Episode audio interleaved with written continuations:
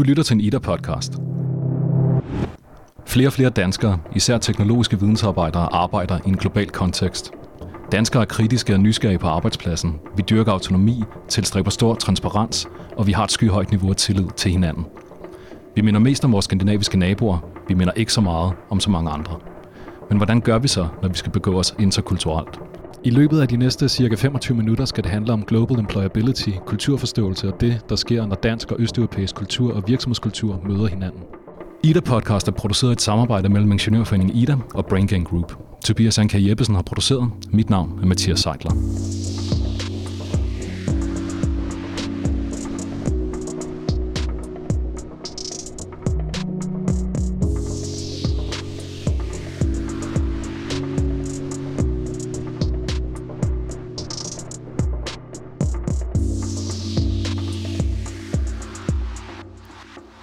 Henning Hørstrup driver en virksomhed, der hjælper forskellige firmaer med at udvikle software fra Ukraine. Han har en masse erfaring med at udvikle softwaresystemer, blandt andet i Polen, men altså nu primært i Ukraine, hvor han har arbejdet siden den ukrainske revolution i 2014.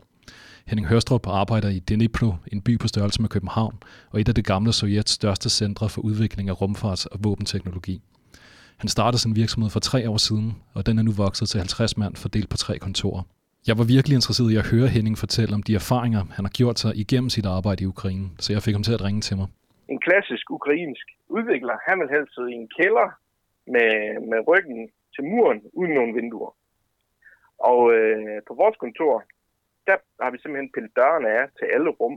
Øh, der er ikke nogen patienter, de kan gemme sig bagved. Så vidt det er muligt, så prøver vi at lave nogle, nogle, nogle kontorfællesskaber. Og vi flytter den simpelthen rundt, når nu vi har nogle nye teams, øh, der skal starte op jamen, så hedder det så ikke, du har din egen plads, så hedder det sig, du skal sidde sammen med dit team. Så de har sådan en lille rulleskuffe, hvor de kan have deres ting i, og det kan de så tage med rundt øh, til deres plads, og de må også gerne tage deres stol med, hvis de har en eller anden speciel stol eller et eller andet. Men de bliver simpelthen flyttet rundt hele tiden for på et eller andet lavt niveau at starte med at, at gøre dem opmærksom på, der er bare forandringer hele tiden. Inden vi vender tilbage til Henning Hørstrup og hans erfaring med at transformere og forstå ukrainsk virksomhedskultur, skal du møde Sine Ørum. Sine Ørum er erhvervsforsker ved Center for Interaction Research and Communication Design på Københavns Universitet. Her beskæftiger hun sig med tværkulturel kommunikation, kulturel interaktion og kulturtræning. Sine Ørum driver samtidig virksomheden Connecting Cultures, som rådgiver og kompetenceudvikler både ledere og medarbejdere i det at agere på tværs af lande og kulturer.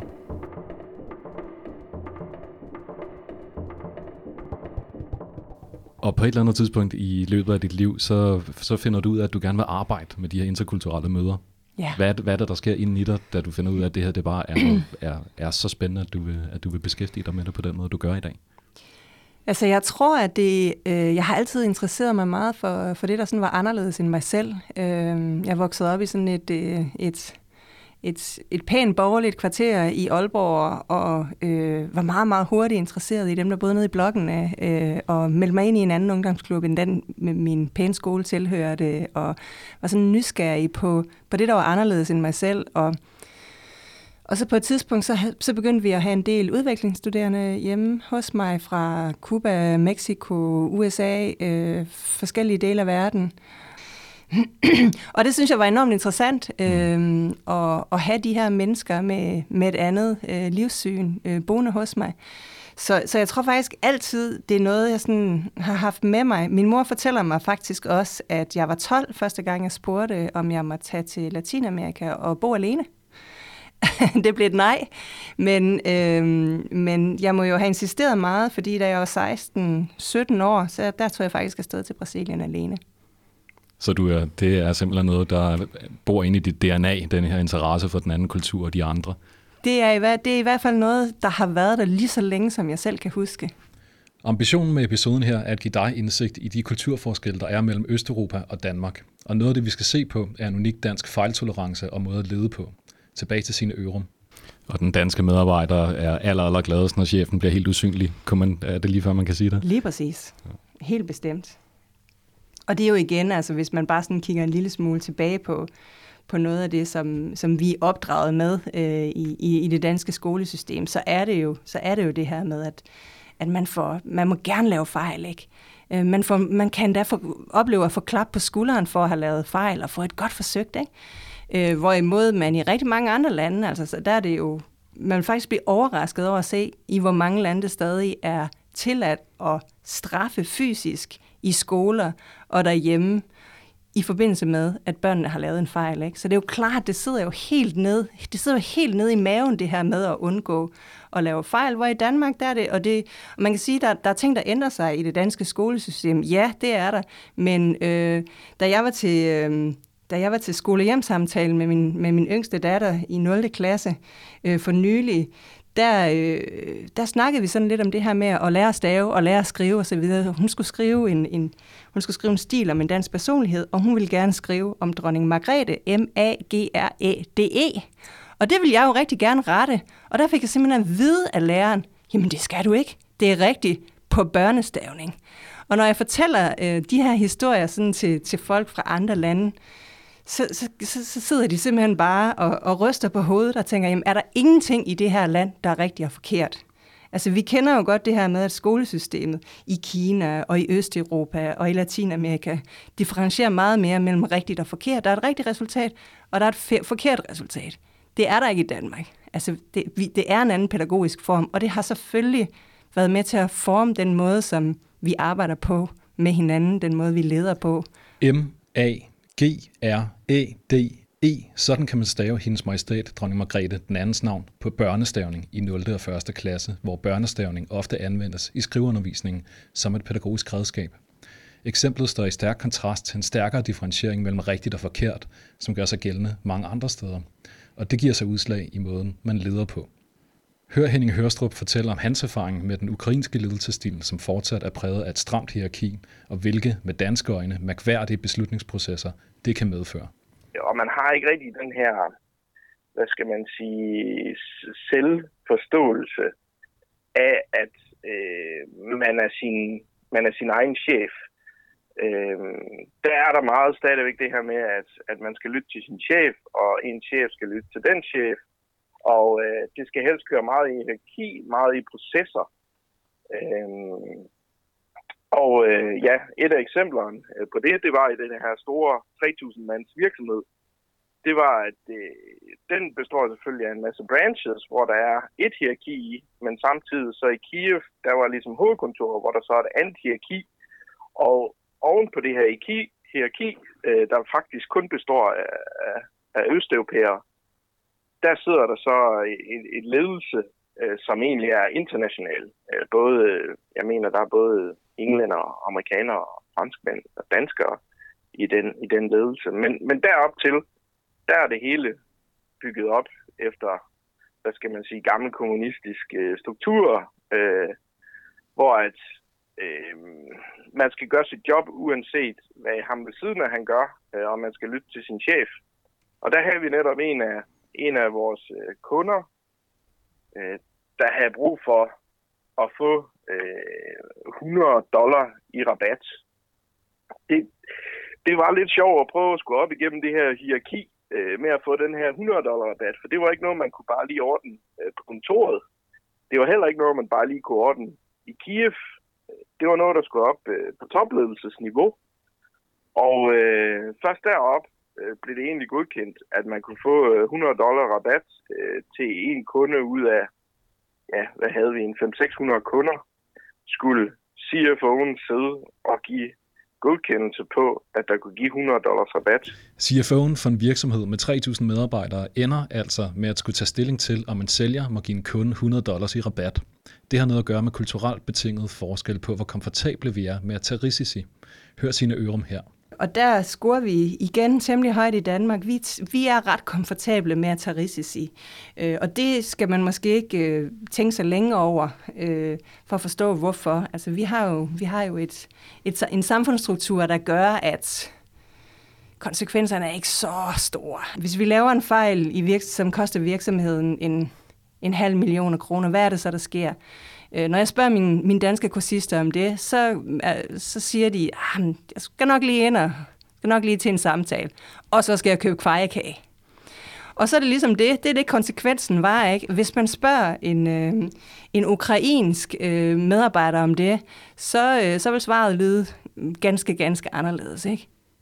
Det er vigtigt at forstå, at, at, øh, at vi i Danmark er virkelig risikovillige, øh, sammenholdt med rigtig mange andre lande, og selvfølgelig også rigtig meget med Østeuropa.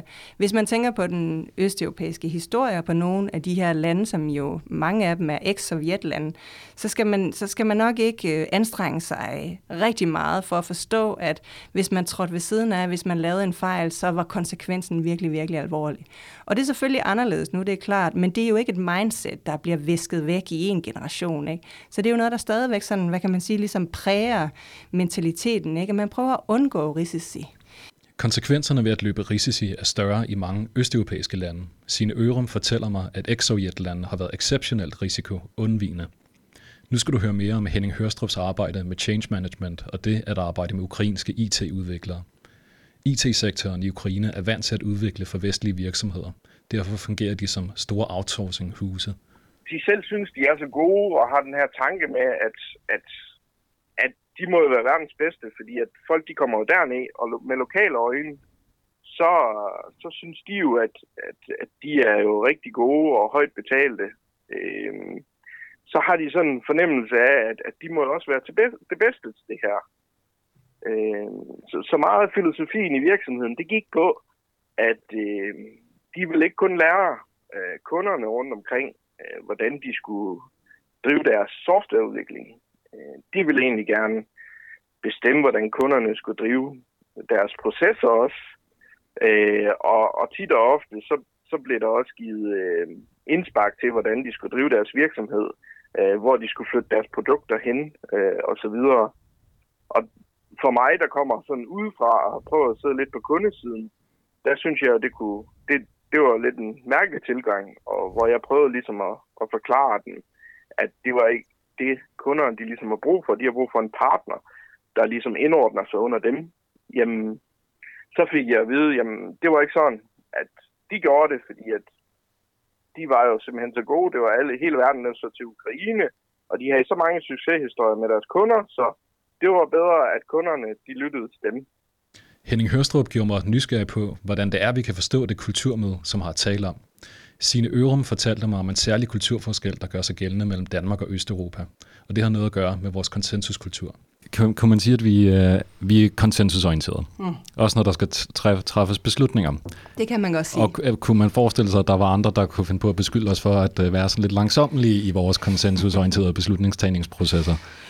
Det kan man forestille sig, at der er rigtig, rigtig mange, der kan beskylde os for, undtagen svenskerne. ja. Fordi de, øh, de topper jo selvfølgelig på det her. Men øh, generelt set, så er det øh, noget, som jeg ofte hører fra både øh, latinamerikanere og fra østeuropæere. Altså hvis der er noget, der kan drive ungarer, øh, ukrainere, polakker, øh, tjekker til vanvid, så er det den måde, beslutninger bliver truffet på i Danmark. Og her, er vi jo selvfølgelig, her taler vi selvfølgelig også om, om, om dansk ledelsesstil igen. Fordi hvordan bliver beslutninger truffet øh, i en dansk organisation? De bliver, jo, de bliver jo typisk truffet i et team, hvor vi diskuterer tingene øh, frem og tilbage. Alle får mulighed for at, at, at byde ind øh, med, hvad, hvad de synes. Og det er der selvfølgelig rigtig, rigtig mange fordele i, den her måde at træffe beslutninger på. Øhm, men i fra, set udefra, der kan det virke enormt ineffektivt. Øh, og en alt, alt for lang proces, og noget, der bliver brugt alt, alt for lang øh, tid på. Og, altså, der bliver holdt ekstremt mange møder, øh, hvor man diskuterer ting. Øh, hvor det jo sådan set udefra, hvis det er lederen, der tager beslutningen, øh, eller en lille gruppe af ledere, der tager beslutninger, øh, så, går det jo, så går det jo i deres øjne hurtigere, ikke? fordi at øh, så bliver den kommunikeret ned, og så er det simpelthen bare at gå i gang med arbejdet. Ifølge sine ørum er der nogle helt bestemte ting, der gør sig gældende for danskere i en professionel optik. Det handler om ledelsesstil. Her refererer Sine en ny undersøgelse om medarbejdernes forventninger til, om deres ledere skal kende svaret på et givet spørgsmål. Så i, øh, i 2016 lavede man sådan en undersøgelse, hvor man spurgte mennesker fra forskellige lande, om de mente, øh, at øh, lederen skulle have svaret, når medarbejderen kommer og spurgte om noget. Og der var det jo interessant at se, at øh, i sådan et land som Polen for eksempel, der svarede 73 procent af dem, der deltog i den her undersøgelse, de svarede ja. Det er, det er det, jeg forventer, når jeg går ind og spørger min leder, så forventer jeg, at han har et svar. Og i Danmark var det under 10 procent, der svarede ja. Øh, og der tror jeg, at man skal huske som dansk leder at kigge sig selv lidt i spejlet, øh, fordi vi har den her sådan meget øh, involverende ledelsesstil, altså hvor lederen nærmere, nærmest, lederen er jo nærmest en coach i Danmark, ikke? så hvis man går ind og spørger sin leder, hvordan skal jeg løse den her opgave, så får man typisk et svar, som hedder, hvad synes du selv? Øh, og det er jo i dansk optik øh, en super cool måde at lede på. Øh, men altså, jeg har i mit virke som kulturtræner, hvor jeg jo har trænet øh, rigtig mange udlændinge, og heriblandt også øh, polakker og ukrainer og ungarer og så videre, har jeg meget, meget tit oplevet, at de kommer ind øh, i mit træningslokal, og så visker de sådan lidt til mig, min leder ved ingenting. Øh, jeg spørger om alt muligt, han kan aldrig svare på noget. Hvordan kan jeg hvordan kan jeg have respekt for sådan en person, og hvordan i alverden er han blevet leder? Han har jo ingen ledelses skills, altså ingen ledelseskompetencer. Øh, og det er, jo, det er jo ret interessant, fordi øh, det er sådan et, et, et rigtig godt eksempel på, at øh, ens intention ikke nødvendigvis øh, bliver opfattet på den måde, man vil. Øh, jeg plejer sådan at sige, intention is not perception, and perception is not intention. Og det er sådan en god lille regel, måske at skrive sig bag ørerne. Ikke? Og der er ikke nogen tvivl om, at den leder, der sad og spurgte, hvad synes du selv? Måske fint havde et svar, altså øh, sagtens kunne svare på det, men øh, i hans eller hendes måde sådan at lede på, så, så, blev det, så blev det svaret. Ikke? Og, men det blev opfattet fuldstændig anderledes. Sine Ørum har et rigtig godt råd til, hvordan man bypasser kulturforskellen, så man kan få et smooth samarbejdsforhold til at starte med. Øh, og, og man kan sige, at det handler jo også om sådan helt generelt at øve sig i, ikke bare og, og, og agere på autopiloten, så at sige. Ikke? Altså ikke bare gøre sådan, som, som man sådan helt impulsivt vil gøre, men sådan lige stoppe op og sige, okay, nu er jeg i den her situation, og nu er det den her medarbejder, jeg taler over for. Så det kan godt være, at jeg skal justere min kommunikationsform, eller min ledelsesform, eller hvad det kan være. Når man, ikke, når man glemmer at justere sin kommunikationsform, ja. og man glemmer at stoppe op, hvad, hvor, hvad kan der ske? Hvornår er det, det går galt, og hvor, hvor gralt kan det gå? Der blev lavet en undersøgelse for et par år siden, der pegede på, at øh, de kulturelle barriere uden for, uden for sådan, øh, vesteuropæiske lande faktisk var øh, blandt de aller, aller højeste barriere, man oplevede øh, i dansk erhvervsliv. Et, et eksempel kan være en, en, en kunde, som jeg har arbejdet med, en dansk produktionsvirksomhed, øh, som, øh, som havde deres produktion i, i Polen. Og øh, de havde så fået en hel masse nye maskiner, og de havde en dansk leder, øh, og, en, og en, selvfølgelig en masse polske medarbejdere. Og den her danske leder var ikke øh, til stede. Han var, han var i Danmark på det tidspunkt, hvor de nye maskiner, de kommer til, øh, til, til fabrikken. Øh, da han så møder ind mandag morgen, øh, så står de her maskiner stadigvæk udenfor, hvor de er blevet leveret. Og det gør de, fordi der ikke er nogen medarbejdere, der har fået instruktionen om, at de skal øh, sættes ind i produktionsrummet. Øh, og nu var det så heldigt, at det var en weekend, hvor øh, vejret ikke var dårligt, men det kunne have haft den konsekvens, at maskinen simpelthen har været ødelagt. Og det er jo meget, meget svært for os at forstå det der med, jamen hvorfor, hvorfor gjorde de ikke noget? Det, det kunne de vel regne ud. Og der tror jeg, at en anden pointe sådan i dansk øh, forretningskultur er, at vi forventer, vi forventer proaktive medarbejdere. Vi forventer, at, at folk tænker selvstændigt og løser deres opgave selvstændigt. Og hvis de så har behov for at, at, at få vejledning eller spare med nogen, så har vi jo den der My Door's Always Open policy, ikke? hvor man jo altid kan gå ind og, og spørge sin, sin leder, øh, også selvom man får svaret, hvad synes du selv? Øh, men, men, men det, er sådan, det er meget den måde, man forventer, øh, at tingene for, øh, foregår på. Og hvis vi tager nogle af, af, af eksempelvis de østeuropæiske lande, så er der jo en tradition for, at, øh, at det er lederen, der tager beslutningen. Det er lederen, der giver instruktionerne. Øh, det er lederen, der tjekker op løbende for at se, om alt er i orden. Øh, hvorimod i dansk regi, der vil man forvente, hvis der er noget galt, så kommer du bare. Hvis, der ikke, hvis jeg ikke hører fra dig, så er, det, så er det nok, fordi alt går fint. Men en, en, en, en ukrainsk, eller en polsk, eller en ungarsk medarbejder vil nok i højere grad forvente, at lederen kommer og tjekker op og hører, hvordan det går, og, og så videre. Ikke? Så det er, også, det er også sådan et typisk øh, eksempel på, at man lige skal, man lige skal slukke den der autopilot og, og tænke lidt over, jamen det kan godt være, at jeg vil gøre sådan, men hvad forventer personen, der står over for mig?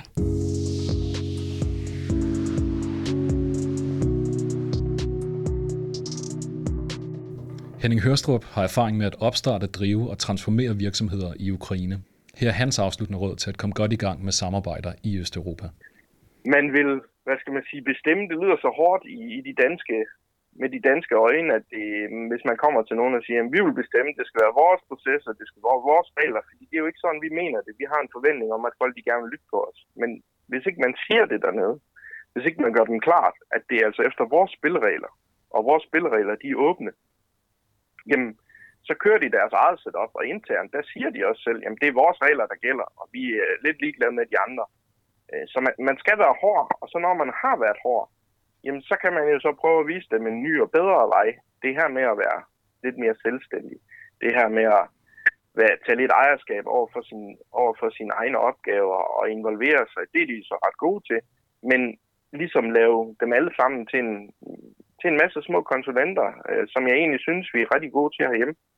Øh, og få folk til at være deres, være deres egen ledere. Øh, øh, og for mig, der ser jeg det som om, det er jamen, lytte på kunderne, integrere deres kultur, øh, lære dem at tage ansvar dernede øh, selv, i stedet for at gå til en leder med deres problemer. Snak direkte øh, med folk, åbne op.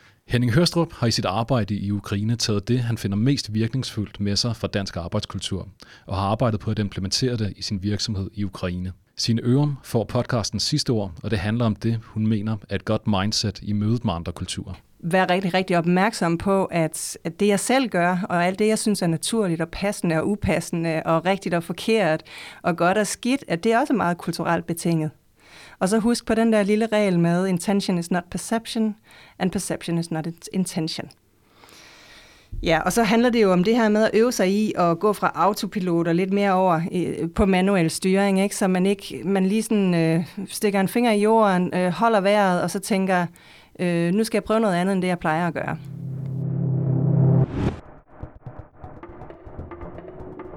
Tak til Henning Hørstrup og sine Ørum for deres medvirken. Du har fået indsigt i virksomhedsledelse på tværs af kulturer, i global employability, i kulturforståelse og i det, der sker, når dansk og østeuropæisk kultur og arbejdskultur møder hinanden. I de show notes, der følger med podcasten, finder du links til flere af de emner, vi har taget op. Ida Podcast er skabt i et samarbejde mellem Ingeniørforeningen Ida og Brain Gang Group. Svend Simo Borg er lyddesigner, Tobias Anker Jeppesen har produceret, og mit navn er Mathias Seidler.